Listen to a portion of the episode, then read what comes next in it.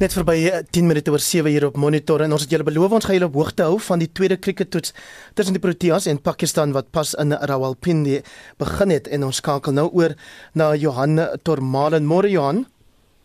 Goeiemôre Henry, en lekker om met julle te gesels. Soos jy gesê het, dit is die tweede toets teen Pakistan in Rawalpindi, die eerste sessie spel wat vanoggend begin het. As ons net bietjie kyk na span nuus in die Suid-Afrikaanse kamp, Dean Elgar, die is wel fiks en hy sal speel. Uh Debresh Shamsi, die draaibal bowler wat nie weens sy rugspas maar toe deur maak België ingespan is nie, en Wian Mulder, hy kom wel in vir Lungi en Gidi. Nou Mulder is 'n veelsidige speler, ons weet hy kan bowl en goed golf en dit is waarskynlik sy insluiting wat genoop is deur die feit dat hy die golflys behoort te versterk. Pakistan se span B is presies dieselfde en Pakistan het ook die lood vanoggend gewen en besluit om eers te kolf in Rawalpindi. Suid-Afrika wat natuurlik sal wil terugkom na die eerste toets wat hulle met sewe paaltjies daar in Karachi verloor het. En as ons vinnig loer na die eerste stukkie spel vanoggend in die eerste sessie, uh, is dit Pakistan wat eerste kolf. Hulle staan op hierdie stadium het hulle ag lopies vir die verlies van geen paaltjies na twee balbeurte. Die die kolwerk word geopen deur Imran Bat en Abed Ali terwyl Kagiso Rabada en Anrich Norke die bal aanval vir die Suid-Afrikaners lei. En dan is dit ook Bat wat reeds 2-4 in Kagiso Rabada se eerste balbeer gemoker het. Ek sal julle reg hierdie dag weer op hoogte hou en daarmee eers terug na die ateljee na Heinrich in die ateljee Johan Tormalen vir RSG Sport. Dis nou 12 minute oor 7 uur by Monitor en die volgende bydra kan sommige luisteraars ontstel. 'n Ondersoekspan van die BBC glo hulle het genoeg inligting ingewin om te bewys dat menseregte vergrype teen die Uighur gemeenskap in China gepleeg word. Hierdie sogenaamde heropleidingskampe is nou reeds 'n geruime tyd lank die spulpunt van omstredenheid. China hou vol dat verdagte ekstremiste na die kampe gestuur word in 'n poging om hulle te rehabiliteer en weer aan die Chinese kultuur dan nou bloot te stel. Maar die getuienis wat deur die BBC ingewin is, vertel egter 'n ander storie. Turshanais Jawooden het aan die BBC-korrespondent Matthew Hill gesê sy het 'n kamer met 30 ander vroue gedeel. Hulle het nie toilette gehad nie en moes 'n emmer deel. Sy getuig van 'n voorval waar drie gemaskerde mans een aand na middernag besoek afgelê het. They were three men. Not one, but three. They did whatever evil their mind could think of, and they didn't spare any part of my body, biting it to the extent that it was disgusting to look at. They didn't just rape. They were barbaric. They had bitten all over my body. Sy is nou onder Amerika se beskerming van waar sy ontstellende ervaring openlik deel. Amerika hou vol, daar is 'n miljoen Uyghurs in die kampe en media toegang is byna onmoontlik. Die BBC het met 'n voormalige wag gepraat wat in die kamp gewerk het. Sy stem is vermom om sy identiteit te beskerm. Hy's gou die eerste wat uitpraat. Jews who were taken inside were locked in a cell which held 8 to 16 inmates. There were cameras watching them all the time, and there were books about Xi Jinping. They have to study the book and memorize them in Chinese. If they fell, the punishment was severe. Hielberig verder dat verskeie vroue na Turkye gevlug het om veiligheid daar te soek. Gulzira Kazak is een van hulle. Sy sê sy is gedwing om deel te neem aan die wagte se gruweldade. I worked 6 months as a cleaning worker for the women. Han Chinese men would pay money to have their pick of the pretty young inmates. My job is to remove their clothes completely and then handcuff them on their beds so they cannot move. Wat die verkrachtings betref, sê Hill dis onduidelik of dit goedgekeur word. We can't say if the rape is approved by the camp commanders or even by those more senior, but the accounts of the many women I've spoken to include gang rape in public and are similar in brutality. Die Chinese regering het intussen 'n verklaring vrygestel waarin beklemtoon word dat die kampe opleiding bied om ekstremiste en terreur hok te slaan. Die aantuigings van verkrachting en marteling word nie direk by die horings gepak in die verklaring nie, maar die regering noem tog dat hy waarde heg aan die beskerming van vroue se regte. Die klank en inhoud van hierdie bydrae is afkomstig van die BBC. Marlene Forsie gaan nuus. Ons bly by die storie en vir sy mening hieroor het Susan Paxton met 'n voormalige ambassadeur Gert Grobler gepraat. Hy het voor die pandemie minstens 'n jaar lank in China gewoon waar hy doseer in internasionale betrekkinge aan die Zhejiang Universiteit suid van Shanghai. Hierdie aantuigings kom nou al oor 'n baie lang lang tyd. Dit het natuurlik nou onlangs verskerp uh toe Trump en Pompeo beweer het dat daar is genocide of terwyl massamoord in China. Nou hierdie is deel van 'n westers geïnspireerde veldtog wat met die FSA aan die voorpunt en dit natuurlik veral in die Trump Pompeo era dit dit die hoogte ingeskiet.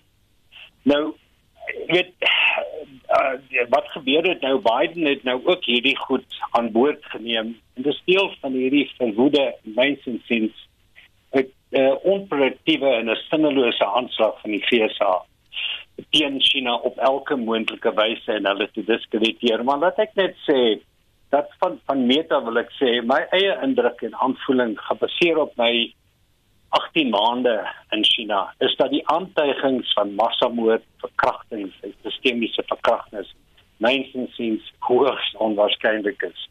Eerstens is moet ek net sê daar is 54 etniese uh, minderheidsgroepe met volle regte in gevolge die grondwet wars oor wars oor China. Ek het baie van die gebiede besoek en gesien hoe lewe die mense daar. Hoekom sal die Chinese nou die Uyghurs uitsonder? Uh tussen al hierdie 54 groepe vir hierdie afgryslikhede wat ons sou net van gehoor het. Daar's net nog my ander punt wat ek wil byvoeg is hierdie goed dreis reëlreg in teen die Chinese volk se hele siege en ook hulle lewensuitkyk wat wat baie swaar is op konfusianisme of op die etiese waarde van Confucius. Dis goed soos geregtigheid, regverdigheid, integriteit en ek ek kan werklik nie op my basis gebaseer op my ondervinding kan ek nie sien dat dat hierdie massamoord, verkrachtings plaasvind in in in 'n land, uh, jy weet wat wat, wat ek, ek nou regtig goed leer ken het. Dan die Chinese regering sê die kampe dien as teenvoeter vir terreur. Hoekom sou dit nodig wees? China, jy weet uh, hierdie provinsie Xinjiang provinsie het 'n lang geskiedenis van van terreur. En en dis iets wat die weste nooit eintlik op uh op, op konsentreer nie. Daar is talle aanvalle geloods deur ekstreme moslimgroepe in die Xinjiang uh, provinsie.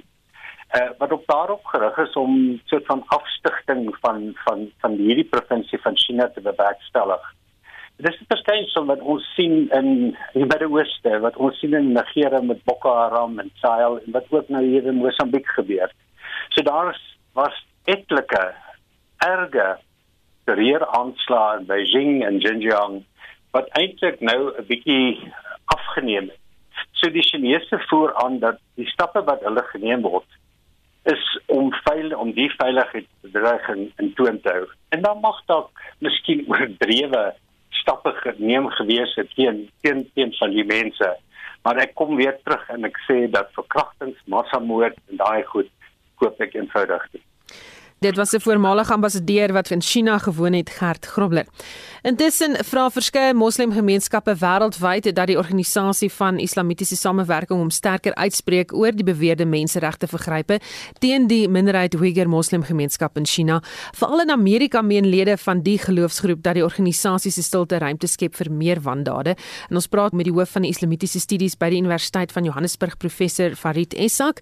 Dis die eerste keer dat beeldmateriaal van menseregte vergrype of die getuienis daarvan by die kampe bekend gemaak word nie. Hoe voel jy wanneer jy dit sien?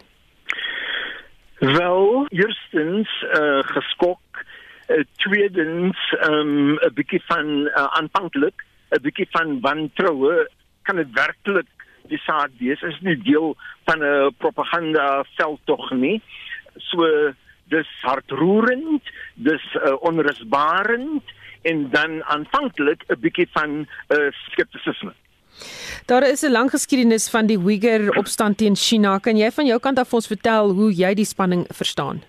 Dis 'n uh, eh, deel van China se beleid om um, nog altyd die ontstaan van 'n nasie te handhaaf in 'n land wat verskriklik groot is met 'n klomp etniese groepe.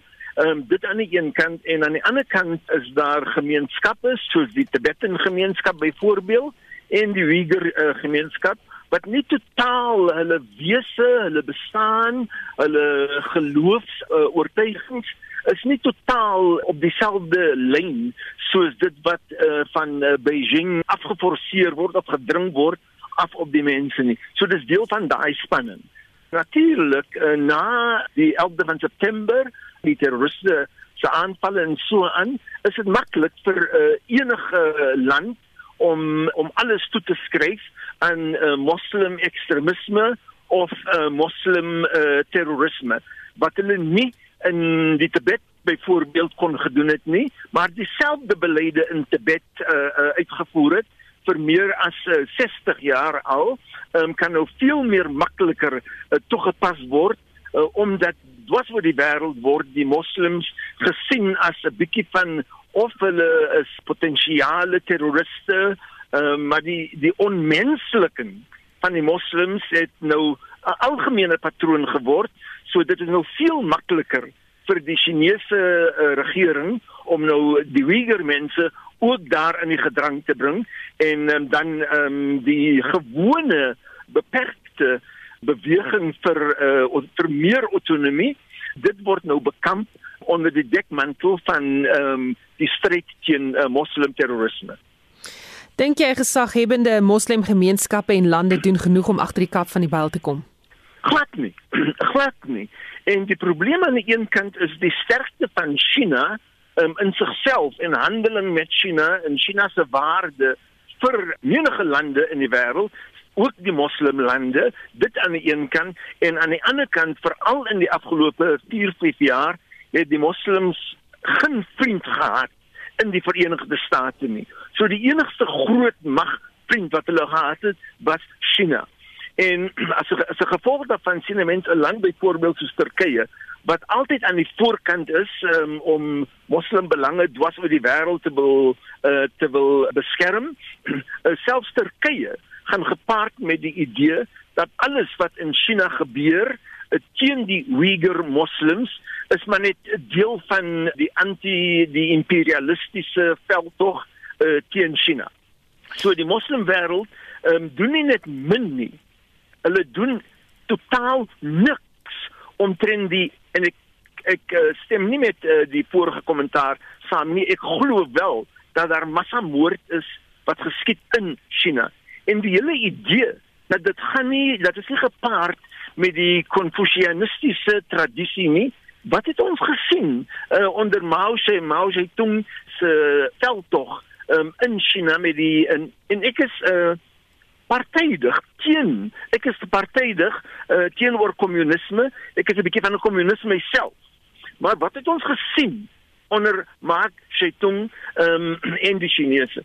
dit het nie dit het niemand het gesê o dis dis uh, teensydig met die konfusianistiese tradisie dat soveel duisende mense of veel honderde duisende mense um, kon gemoord word nee niks is teen niks is teenstrydig met wat alle mense in staat toe is nie ons almal is in staat om barbare te wees uh, die volgende oomblik niks kultuur, niks godsdiens beskerm ons van die slegste um, om uit te bring um, in ons nie as die propaganda rondom ons reg is uh, omtrent die on, die die nie menslikheid van die waarteen ons veg nie. Dan is stem van uh, professor Farid Essak, hy is die hoof van Islamitiese studies aan die Universiteit van Johannesburg en hy het met Susan Paxton gepraat. 24 minute oor 7 en soos ons vroeër genoem het, weier oud-president Zuma om voor die Sonderkommissie te verskyn en is in weerwil van die konstitusionele hof se uitspraak. Die politieke kommentator en voormalige hoof van die EW de Klerk Stichting, Dr Teens Elof, gee sy siening oor die politieke en die grondwetlike implikasie. Meneer Zuma se verklaring dis my mense sê 'n blaatante klap na die grondwetlike hof, uh, die kommissie, die sonderkommissie, die oppergesag van die reg en, en eintlik die hele grondwetlike bestel. Uh, die feit dat hy nie net gewag het om te kyk wat die kommissie doen nie, maar so 'n verklaring gemaak het, maak dit eintlik erger. dit daag eintlik die hele regsprekende gesag uit om teen hom 'n voormalige hoof van die uitvoerende gesag op te tree. En as hulle sê tree op as jy die dapperheid dapperheid het om op te tree. Dit is dis iets van 'n grondwetlike dilemma. Ek sou dit wenig as 'n krisis beskou nie. Maar as almal gelyk voor die reg is, soos die grondwet sê, dan moet daar optrede kom, ten minste van die kommissie en dalk selfs van die konstitusionele hof self. Maar hierdie saak is selfs meer van 'n krisis vir die ANC. Hier is 'n oud leier, 'n president wat optree asof hy bo die reg verhewe is. Asof hy 'n regte eenman regering is. 'n tipiese diktator. En die feit dat die sekretaris-generaal van die ANC, Ismail Bashir, gister gesê het dat uh, hulle moet Zuma uitlos, hy niks verkeerd gedoen nie. Maak dit 'n verdere krisis vir die ANC en vir meneer Cyril Ramaphosa en veral met sy poging om korrupsie uit die ANC uit te roei. Hy kan natuurlik niks aan nie Zuma se saak doen nie. Dis in die regsprekende gesag se hande. Maar hierdie uitspraak van Ismagashula te same met die aanbeveling van die integriteitskommissie dat hy moet uittreë uit sy pos terwyl sy hofsaak aan die gang is, maak dit nou nog dringender nodig vir meneer Ramaphosa om op te tree en dit skep vir hom 'n krisis. Die stem daar van eh, Dr Teens Elof wat onder meer by Suid-Afrika se veelparty grondwetlike onderhandelinge betrokke was en hy het daar met Heinrich gesels. 727 hier op monitor. Oud-president Jacob Zuma se openbare verklaring dat hy 'n bevel van die konstitusionele hof gaan verontagsaam deur nie voor die sondekommissie na staatskaping te verskyn te verskyn nie, jammer, het die vraag laat ontstaan of dit Suid-Afrika in 'n konstitusionele krisis kan laat beland. Regter Johan van der Westhuizen het voor sy aftrede in die konstitusionele hof gedien en hy sluit nou by ons aan. Regter, goeiemôre. Wat was jou eerste indruk toe jy van uh, oud-president Zuma se besluit verneem het om sy rug op die hof se uitspraak te keer? Ehm um, goeiemôre. Dit is laagbaar. Ehm um, nie verrassend nie. En myns insiens daarom glad nie 'n konstitusionele krisis nie. 'n krisis, 'n konstitusionele krisis, eh, 'n begrip wat nou nie 'n streng juridiese definisie het nie, gebeur wanneer die masjinerie van die staat vasbrand en die grondwet geen oplossing kan bied nie. Ehm um, die beste voorbeeld sou seker wees wanneer 'n hof of die hoogste hof 'n uitspraak teen die regering gee, 'n dienende president of die minister van polisie wat of so iemand wat die regering dan weier om te gehoorsaam. Ehm um, byvoorbeeld as daar uh, gesê word of beveel word dat iemand uit uit aanhouding vrygelaat moet word en die regering weier.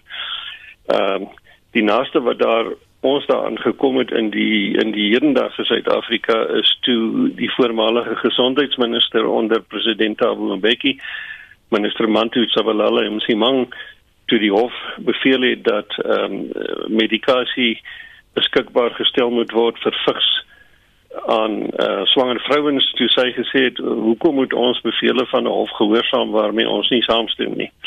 Gelukkig uh, in daardie situasie het ehm um, uh, nugterheid geseëvier en die hof se beslissing is aanvaar. Dit kan natuurlik ook gebeur wanneer 'n hof iets beveel wat onmoontlik is. Byvoorbeeld as die hof sou sê uh sou beveel dat die regering voor die einde van die maand um, 'n miljoen huise moet bou, dan gaan dit dood eenvoudig nie gebeur nie. En dan sit ons met 'n uh, met 'n skakmat tussen die uitvoerende gesag en die uh, regsprekende gesag. Onthou, mens moet onthou dat 'n hof nie 'n weermag of 'n polisie mag hê om bevele af te dwing nie. Dit hang af van die samewerking van die gehele staatsbestel en konstitusionele bestel. Ons praat volgende met regter Johan van der Westhuizen om en bly net dan ons gaan net hierna verder gesels oor die hele kwessie rondom die konstitusionele hof en Jacob Zuma.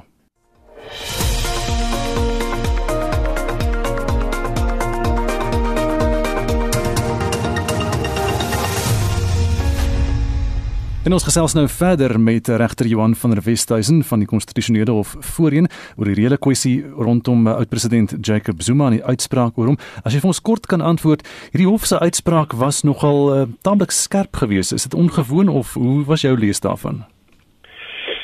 Uh, ja, uitsprake verskil maar uh, daar is 'n um, uh, interessante dinamiek in die sin dat um, regter Jafta en regter Zondo vroeër op die hof taamlik naby aan mekaar was. Ehm uh, uh ironies genoeg het president Zuma vir regter Zondo as adjunk hoofregter aangestel uh na bewering selfs verby die destydse minister van polisie uh ekskuus tog van uh, justisie advokaat Michael Masuta maar in ieder geval hierdie dinge behoort nie 'n rol te speel nie die wat die hof gesê het is dat ehm um, die kommissie in 'n sekere sin sy eie probleme veroorsaak het deur nie vroeër meer streng op te tree nie dat meneer Zuma wel eh, laat meneer Zuma geen reg het om ehm uh, te swyg as ten ten aansien van getuienis vir die kommissie nie maar dat hy natuurlik wel die reg het om te swyg om te voorkom dat hy homself straf strafregtelik inkrimineer. Uh, dit laat dit dit laat nie vrae nou na vore kom wat moet verder gedoen word uh as meneer Zuma hofbevele veronagsaam dan is hy skuldig aan 'n misdaad naamlik minagting van die hof. Hy is ook al of word reeds aangekla van oortredings van die kommissiewet en terug by die punt van 'n konstitusionele krisis hy is nie die president op die oomblik nie. Hy is 'n gewone landsburger. Hy moet hofbevele gehoorsaam en wette gehoorsaam soos wat jy en ek en enige iemand op straat dit moet doen. Indien hy dit nie doen nie, kan hy aangekla word. Indien dit nodig is om hom te arresteer, kan dit gebeur. Ehm um, daarmee saam moet 'n mens daarom in ag neem dat die mate van geweld byvoorbeeld wat in 'n arrestasie gebruik word, hang daarom 'n bietjie af van van uh, diskresie. Ek weet nie of enige iemand sou wou sien dat panservoertuie tanks deur Nkandla se hekke bars en 'n 78-jarige man in voetboeie in 'n vangwa gooi met masjiengewere rondom hom nie. So iets sal waarskynlik nie gebeur nie maar hy moet die gewone gevolge dra wat enige landsburger moet dra. Daarom is dit nie 'n krisis nie. Die vraag is of die wil daar is uh die politieke wil om hom wel verantwoordelik te hou.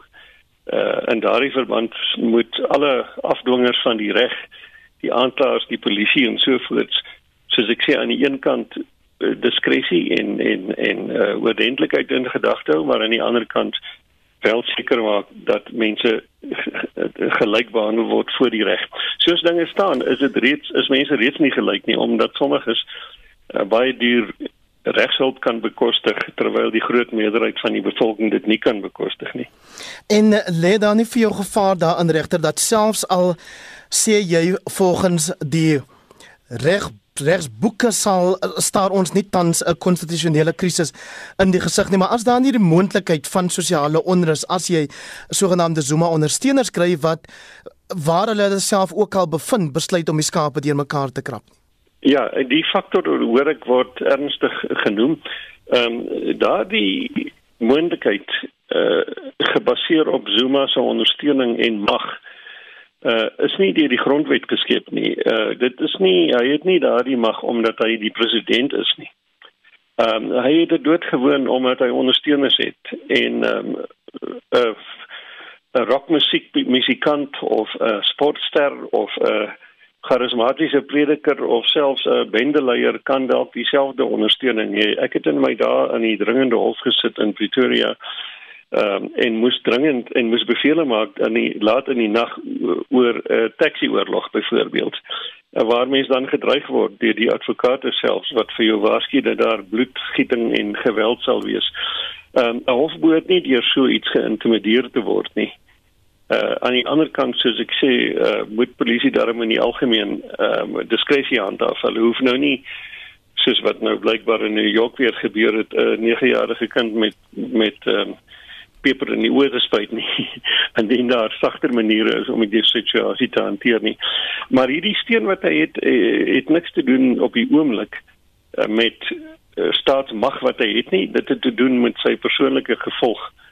Wat natuurlik wat natuurlik sosiaal baie skadelik kan wees maar dit kom nie naby 'n uh, uh, grondwetlike krisis nie. Ek wil vir jou vra aswel vir tegniese punt oor wat jy nou gesê het van die panservoertuie wat by Nkandla opdag en hulle voetboeie wegneem. Eh, die die uitvoerende gesag se verpligting om wel hofbevele uit te voer. Uh, want jy sê nou Zuma is 'n privaat individu, maar hy is tog nog 'n oud president, so hy word omring deur hierdie uh, polisielede, die BBP beskermingseenheid pas hom op. Hoe groot is die verpligting op daardie polisielede om as dit by daai punt kom hom te oorhandig? Wel, ek dink die grondwet self sê en dit is 'n algemene reël ons het dit nou in Amerika rondom die Trump situasie ook gesien toe mense bang was dat hy dalk ehm um, gek bevele aan die ehm um, aan die militêre owerhede kan gee. Polisie en soldate ensovoorts is nie verplig om onwettige bevele te gehoorsaam nie. Ehm um, so as iemand aan sy deur klop en sê meneer Zuma, ons is hier om 'n dagvaarding aan jou te oorhandig of wil jy asseblief saam met ons kom na die polisiekantoor toe en sy wagte begin op daardie polisie skiet of wil hulle nie toelaat nie dan tree hulle onwettig op en hulle behoort so 'n bevel van sy kant af net eenvoudig nie te gehoorsaam nie. Maar die vraag waarby mense natuurlik uitkom eh, is is wat van die kommissie? Waar laat dit nou alles die kommissie? Uh indien hy getuig maar geen vrae antwoord nie of indien hy nie getuig nie, wat gebeur nou dan verder? Ek weet nie of jy daaroor iets wil hoor nie. Asseblief ja. ja, kyk die kommissie is nie is nie hof nie. Die, die, die kommissie kan hom nie skuldig bevind nie. Ehm um, as ek nou regter onbesonder sou wees en ek dink wat enige persoon in daai posisie maar as enigste uitweg kan doen as hy nou nie getuig nie of as hy kom maar hy weier om een vraag na die ander te beantwoord omdat hy dit sê dat dit homself gaan inkrimineer en ek dink op hierdie stadium moet ons aanvaar daar is soveel ander getuies wat uh, hom van allerlei dinge beskuldig het dat bykans enige antwoord van sy kant sal hom heel waarskynlik op 'n manier inkrimineer. Ehm um, die kommissie moet dan nou maar 'n verslag skryf sonder sy weergawe. Hulle moet eenvoudig sê dat ehm um, uh, hulle bevindinge is A, B en C dat staatskaping plaasgevind het of wat ook al hulle wil bevind dat hulle die bevinding maak in die afwesigheid van Zuma se weergawe maar dat hy voldoende geleentheid gegee is om wel sy weergawe voor die kommissie te stel. Die kommissie kan hom soos ek sê om in elk geval nie aan enige iets skuldig bevind nie. Die kommissie kan aanbeveel dan dat die vervolgingsgesag vir strafregtelike vervolging oorweeg. Ja. Wanneer hy dan in 'n strafhof kom, is die situasie baie anders.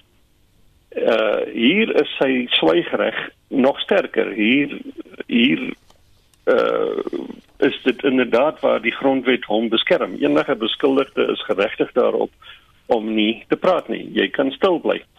As talle getuienis as talle getuies dan getuienis voor die hof plaas, staatsgetuies wat sterk is en wat geloofwaardig is. Uh en jy besluit en en in wat in regterme genoem word 'n prima facie saak daarstel. En jy besluit dan om nie daarop te antwoord nie dan is daar maar net een uitweg vir hof en dit is dat jy skuldig bevind moet word. Dit gebeur baie dikwels in strafhowe. Ehm um, so daar sal om te swyg om inderdaad reg om te swyg uit te oefen om nie beskerm teen 'n skuldige bevinding nie. So dis by daardie punt waar mense uiteindelik sou moet probeer uitkom uh indien daar hy wel al die uh, bedrieglike dinge uh, gedoen het uh, dan die kommissie is maar is maar uh, een van die maniere om by so 'n hof 'n strafhof uit te kom. Of dit Ga. in ons leeftyd en veral in meneer Zuma se leeftyd gaan gebeur, sal ons nou maar moet sien. Baie baie dankie vir jou insette vanoggend regter Johan van der Westhuizen, is 'n afgetrede regter van die konstitusionele hof. En nou is Estie terug met nog terugvoer van ons luisteraars. Estie? Oor ons hardop voorleesdag sê Solis Erasmus ek het my kind geleer om hardop te lees en te klank toe sy klein was en vandag lees sy vlot en praat duidelik. Maar Wilma Olofse laat weet vir ons. Ek het van baba tyd af my seun gelees en tot vandag toe nog haat hy dit om te lees. En oor die busdienste wat hulle deure sluit het ons stemnotas van ons luisteraars ontvang. Ek is Hendrik van Wyk, tans woonagtig in Kempton Park. Ek is nogal redelik baie hartseer oor Greyhound busdienste en Cityliner.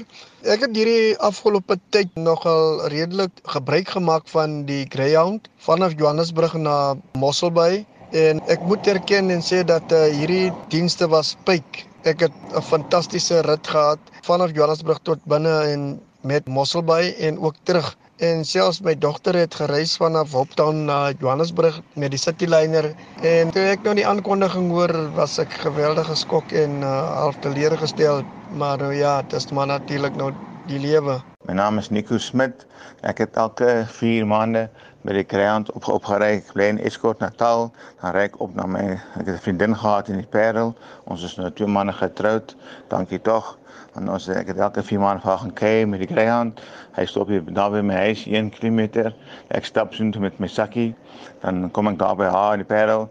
Dan kyk ek vir haar en kom ek weer die maandag terug op die bus. Ek het foto's van die Kreant. So dis baie hartseer en ek hoop iemand gaan die kreant koop. Ons het so lekker met die kreant gery. En dan sê Naomi Venter van Bloemfontein, my hart is baie seer. Ek het oor 'n tydperk van 20 jaar gereeld met Ground gereis tussen Potchefstroom, Bloemfontein, die Parel en Bellville. Die buspersoneel is altyd gaaf en ek het altyd veilig gevoel. Baie dankie. So sê Naomi en 'n luisteraar skryf Ground is die enigste bus wat stop hier by Prins Albertwegstasie. Anders moet jy by Beaufort Wes gaan op gaan opklim. Dit het baie dinge gespaar. Stuur vir ons 'n SMS by 45889 teen R1.50 per SMS. Gesels saam op ons Facebookblad by facebook.com vorentoe skynstreep ZARSG of WhatsApp vir ons stemnota na 076 536 6961 jy het nog een laaste kans vir jou terugvoer. Ek's net so voor 8 weer terug. En is nou 17 voor 8 tyd vir wêreldnuus. Die VN se sekretaris-generaal Antonio Guterres sê die internasionale gemeenskap moet seker maak dat die staatsgreep in Myanmar nie slaag nie. Die aantal inwoners wat deelneem aan vredesame betogings in Yangon neem intussen toe en Marlene Forsie sluit nou by ons aan met meer besonderhede. Môre Môre Gustaf, die stad se strate was gisteraand vol mense wat saam gestaan en sing het en plek plek was potte weer geslaan uit protes. Die volgende klankgreep behoort jou 'n idee te gee van hoe dit daar geklink het en wat inwoners oor die staatsgreep sê.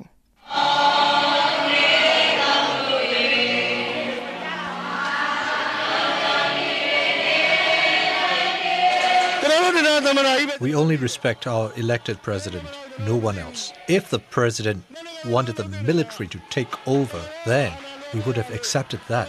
But this coup is not fair. So we're expressing our feelings in a peaceful way. I witnessed the coups in 1962 and 1988. We know all about what happens under military takeovers, so we have to do this. If we take to the streets, they will shoot us dead. Under these circumstances, I support this kind of protest. Die Finse Guterres het onomwonde gesê die omkeer van die Novemberverkiesing in die land is onaanvaarbaar. Hy sê die weermag moet gedwing word om te besef dis nie hoe mens 'n land regeer nie. Nou die VN Veiligheidsraad is nou in samesprekings oor die skryf van 'n verklaring oor die verwikkelinge, maar China gaan na verwagting enige bewoording wat die staatsgreep veroordeel verhoed.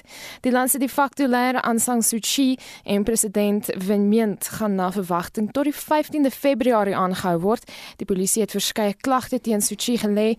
Daar is sedert Maandag nog niks gehoor van haar of die president nie. En nou na Brittanje waar daar reeds skouer aan die wiel gesit word word om seker te maak dat uh, inentings wat bestand is teen nuwe variante van COVID-19 beskikbaar is indien dit nodig is. Ja, die hoofnavorser van die Oxford AstraZeneca toetse, professor Sarah Gilbert, beklemtoon dat dit slegs 'n voorsorgmaatreël is. We don't want to panic and say that we must have a new version of the vaccine now. But on the other hand, we are getting prepared so that if it turns out we do need a new version, it will be ready. Navorsing toon verder dat teenliggaampies tot 6 maande na die tyd steeds in die liggaam teenwoordig is.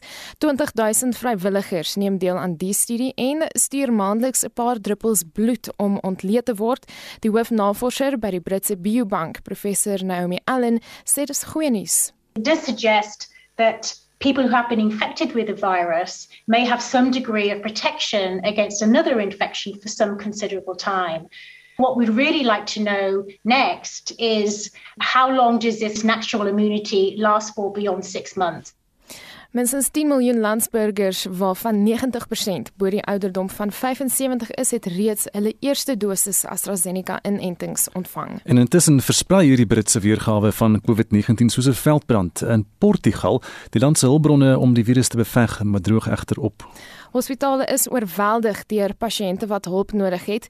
'n Dokter by die Santa Maria Hospitaal, Patricia Fosenka Nunes, sê slegs COVID-pasiënte word in intensiewe sorg behandel en dat ander prosedures gestop is. Well, I can tell you that I remember all my patients who died. I remember their faces, I remember their names, I remember their families. I get so frustrated and so sad when people tell me this is not happening. Sometimes I just want to take them by the hand and say, Come along, come with me, come and see how it feels like to be losing people. Duitsland het intussen dokters na die land ontplooi saam met 'n besending ventilators. Marlene Forsie met vanoggend se wêreldnuusoorseig. En nou staan die horlosie op 7:47. Die plaaslike 2020 rugby seisoen het pas in die vreemdste omstandighede denkbaar geëindig, onder meer met 'n leë Loftus Versveld stadion waar die bulle met die haie klaar gespeel het. Dit het alles met die wêreldwye COVID-pandemie te doen. Ons praat nou met die prof, met die sportwetenskaplike van Universiteit Stellenbosch en ook 'n bekende rugby-afrigter, professor Wilbur Kraak. Wilbur, goeiemôre. Wat reken jy was die ergste uitwerking van COVID-19 op ons afgelope rugby seisoen? Ag môre Hendrik, dankie vir die geleentheid. Ek dink die grootste impak wat dit gehad het is um, ek dink daar was baie oor gepraat oor die halt gehalte van rugby wat gespeel is. En ek dink baie van die die opmerkings wat gemaak is is is regverdig, maar dan moet mense ook verstaan die uitdagings wat wat Unis het um, in voorbereiding vir hierdie wedstryde baie vergelyk um, ons standaard van rugby met wat in Australië en Nieu-Seeland gebeur het en ek dink dis onregverdig as jy gaan kyk na wat die uitdagings afrigters het. As ek ek glo stellig met die met die druk wat op afrigters is om beter te beplan. Het, baie van die afrigters het slegs 'n uur waar hulle per week dalk in spanverband of van jy jy jy moet to, jy moet gereeld toets, jy moet wag vir uitslae, jy is onsekerheid oor oor oor spelers wat beskikbaar gaan wees en ek dink dit het 'n dit het 'n groot invloed oor hoe die kwaliteit van rugby wat gelewer word en ek dink dan ook die die impak van van leë stadions en en ek dink die mense besef wat se waarde ondersteuners vervul in die motivering van spelers nou. En en nou altyd elke stadion is uniek en elke toes en toeskouersgroep is uniek want hulle dra by te raai vir die span en hulle praat gewoonlik van die New England faithful en dan die die Oospabbel you know op op beloftes. En en en die mense ek dink nie hulle besef die waarde wat dit het so dit het 'n groot groot impak op op hoe spelers presteer. En maar ek dink ook ons moet ook gaan gaan selfondersoek doen oor oor hoe ons die um, rugby vorentoe wil aanvat uit 'n Suid-Afrikaanse konteks uit. Ek dink ons moet ons kern ehm um, kern um, basiese vaardighede of individuele vaardighede was vir my baie swak as jy gaan kyk na na vang en aangee um skoppe um bal in kontak dra so dit dit het regtig aandag nodig en en ek dink dis iets goed, goed wat jy in kleiner groepies kan doen. So dalk moet ons as afrigters ook gaan anders dink. Hoe kan ons in die um epidemie en die pandemie ons ons oefeninge gaan um gaan benader en anders um mediese riglyne wat ons het.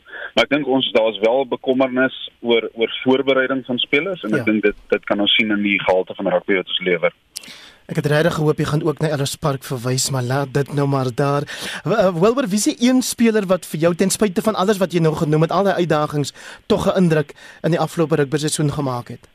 Ek ek dink ehm um, Stetman Gans van die die die jong ehm um, Sewes Bok, hy is op die die Springbokke, die Sewes gelei die laaste ruk. Ek dink vir my as buitesenter, ek dink hy het ook sy hand opgesteek om om 'n aanmerking kom vir 'n om opgeroep te na opgeroep te word na die Springbokke en ek dink dit is goed om diepte te kry. Ek dink Nakane Am is nog steeds soos eerste keuse 13, maar ek dink ook vir Stedman gaan om druk te sit op op Nakane Am is goed vir rugby. Ehm um, so hy was vir my uitstaan en ek dink ehm um, dan die ou um, mens kan hom nou ou ontnoem um, vir my Cornel Hendriks net om van waar sy al sy ehm um, journey met met sy probleme onttrek het rugby en om so terug te kom dit was vir my ook 'n uh, eh, um, mooi om te sien hoe hy teruggekom het en ek en ek dink dit is bel belangrik vir rugby dat hy dat hy goed doen en ek dink hy het nog baie om te bied. So daar is steeds groot afwagting oor die beplande Britse leeustoer na Suid-Afrika, 'n geleentheid wat amper ongekend is um, wanneer daai groep aan jou land aankom. Nou weet ons dat weens COVID As dit in die weegskaal in Australië het intussen gesê maar hoorie ouens, kom speel hier by ons en dan kan net die wins met SA Rugby of dan sal hulle die wins met SA Rugby deel. Wat is jou mening oor die onsekerheid en dan die voorstel van Australië? Ek ek dink vir my persoonlik, ek dink dit is belangrik dat die toer in Suid-Afrika plaasvind. En of dit nou uitgeskuif word met 'n jaar of ehm um, of dit ehm um, later in die jaar plaasvind. Ek weet daar's logistieke uitdagings ten opsigte van dit, maar ek dink dit is tog belangrik uh vir Suid-Afrikaanse rugby om 'n Britse Lions toer in Suid-Afrika te hê. As jy gaan kyk net na van rugby, die rugby is die die is die een wat alles saambring, maar as jy gaan kyk nou by 'n stadion byvoorbeeld jou jou klein ondernemings wat 'n stalletjie het, ehm um, iemand wat treie verkoop. So vir ons toerisme is dit ook belangrik. Laat die Britse Lions toer in Suid in Suid-Afrika plaasvind. En dit is nogal vir my snaaks dat in in dieselfde week wat Australië ehm um, aandui dat hulle wil graag die toer aanbied dat die Australiese kriketspan op onttrek. Hmm. So dis vir my half om te sê ons ons voel nie ons gaan nie veilig voel nie so dit ons wil druk op mense sit dat hulle in Australië met kom speel. Ander opsie is wel ek dink ek dalk het SA rugby aangedink is om die die twee toere om te ruil. Um ek weet is um um die Britse Lions is van stel om 2025 na Australië toe te gaan. En dalk sê kom julle bied dit julle wil dit nou so graag aanbied maar Australië huisves die Britse Lions julle speel teen hulle julle julle 3 maande om voor te berei daarvoor en 2025 kom hulle Suid-Afrika doen. So dit is ook vir my 'n opsie. Um Nee, ek dink ehm um, weer eens ek gaan dit beklemtoon en ek ek sien Pieter de Villiers het dit ook in in verlede week in die nuus bevestig ehm um, beklemtoon. Dit is belangrik vir rugby in Suid-Afrika dat die Britse leeu Suid-Afrika moet toer. En ook dis belangrik vir vir ons toerisme en ons uh, ons ondernemings laat hulle toer. Want dit het 'n groot finansiële opstoot vir ons land wat ons op hierdie stadium nodig het. Maar dan wil ek ook sê ons ons moet dit net slegs toelaat as daar nie die die gevaar of die gevaar verhoog dat mense die virus ehm um, ontvang nie of kry nie en en so dit dit moet dit moet kern wees ehm um, wees teenoor die besluit wat geneem word. Wel, 'n laaste vraag um, met 'n kort antwoord asseblief. Ons weet rugby is dikwels die gom wat gemeenskappe saambind, juis in die gebied waar jy jou bevind, die Boland byvoorbeeld, is dit belangrik. Hoe motiveer jy mens gemeenskappe en daai klubspelers wat nou geen geleentheid het om hulle passie vir die sport uit te leef nie? Ek dink dis dis belangrik aan hierdie jy nou raak 'n belangrike punt daar. Mense dis maklik om te sê kom ons ons oefen nie tot daar 'n uh, 'n vaksin is. Daar is nou eene en of mense veilig kan wees, maar wat mense nie besef nie, sport en rugby speel groot rolle in ons kleiner gemeenskappe. Sport is 'n is al 'n uh, 'n tool wat mense gebruik om mense van die straat af te hou en mense op te voed. So dit dit is 'n baie moeilike een, maar ek dink tog klubs kan bietjie kreatief wees oor hoe hulle mense betrokke hou kry kry ander maniere om om nog steeds die werk binne die gemeenskap te doen. En ek as rugby terugkeer, moet jy reg wees. Dit is die uitdaging. So wat moet ek as as 'n klub in 'n gemeenskap doen om reg te wees indien rugby se terugkeer? Ons kan nie wag as hulle sê rugby begin oor 2 maande en jy kan nie oor oor oor 4 weke of oor 3 weke begin eers um, jou jou stelsels in goed in plek kry. Ja. Kyk, wees kreatief, kry jou bestuurbelyn, kry jou afrigtersbelyn, kry jou spelersbelyn. En dis die eerste keer in 'n lang ruk was waar afrigters en spelers gelyktydig en asook administrateurs se afseisoen het. So daar kan geen klagtes wees dat my beplanning is nie reg nie, ek het 'n besering. Jy het nou tyd gehad om dit uit te sorteer, maar maar rugby en sport in die algemeen in ons kleiner gemeenskappe, veral hier in die Boland en in die Weskaap, speel 'n groot rol om sosiale ehm um, halfprobleme aan um, aan te raak. Dan professor Wilbe Krak, hy's 'n sportwetenskaplike van die Universiteit Stellenbosch. Nou so 5 minute voor 8 in die tweede krieketoets tussen die Proteas en Pakistan het in Rawalpindi begin en ons skakel weer oor na Johan Tormalen. Môre Johan. Môre Gustav, hierdie keer het ek daarom vir ons goeie nuus, soos jy sê die uh, eerste dag van die tweede toets in Suid-Afrika wat reeds hulle eerste paaltjie in hierdie uh, wedstryd nou geneem het. Dit was ook na sewe balbeurte wat Kagiso Rabada aan Andriek Norke afgestuur het en Pakistan eintlik redelik goed begin het deur vinnig te kof wat Keshav Maharaj, die draaibal bowler in die aanval ingekom het en hy het reeds vroeg vroeg 'n paaltjie gevat nadat hy eers 'n bietjie teleurgesteld moes gewees het.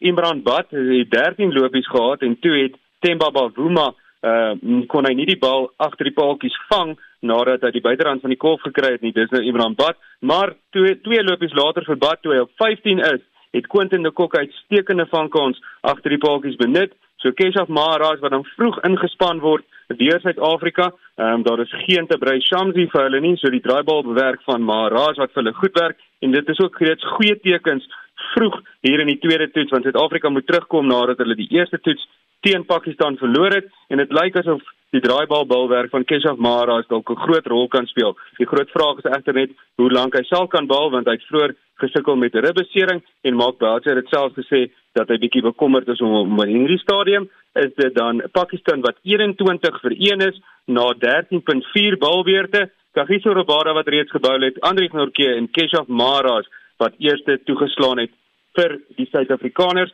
Soos ek genoem het, was Imran Bad op 13 lopies as hy laat val deur Themba Bavuma, maar uiteindelik was dit 'n goeie vangkans deur Quentin de Kok agter die paaltjies. En uh, dit sou interessant wees om te sien ook of die ander draaibal bowlers soos George Linde ensovoorts 'n groot rol vir Suid-Afrika gaan speel, want hierdie ehm um, blad wat blykbaar dalk minder gunstig is vir die draaiers het hulle voor die tyd gesê. daarmee dan terug na die ateljee in Johannesburg, Suid-Afrika wat 'n uh, slag geslaan het Pakistan op 21 vir 1. Baie dankie aan Johan Tormalen. En nou na is dit vir nog so 'n minuut se terugvoer.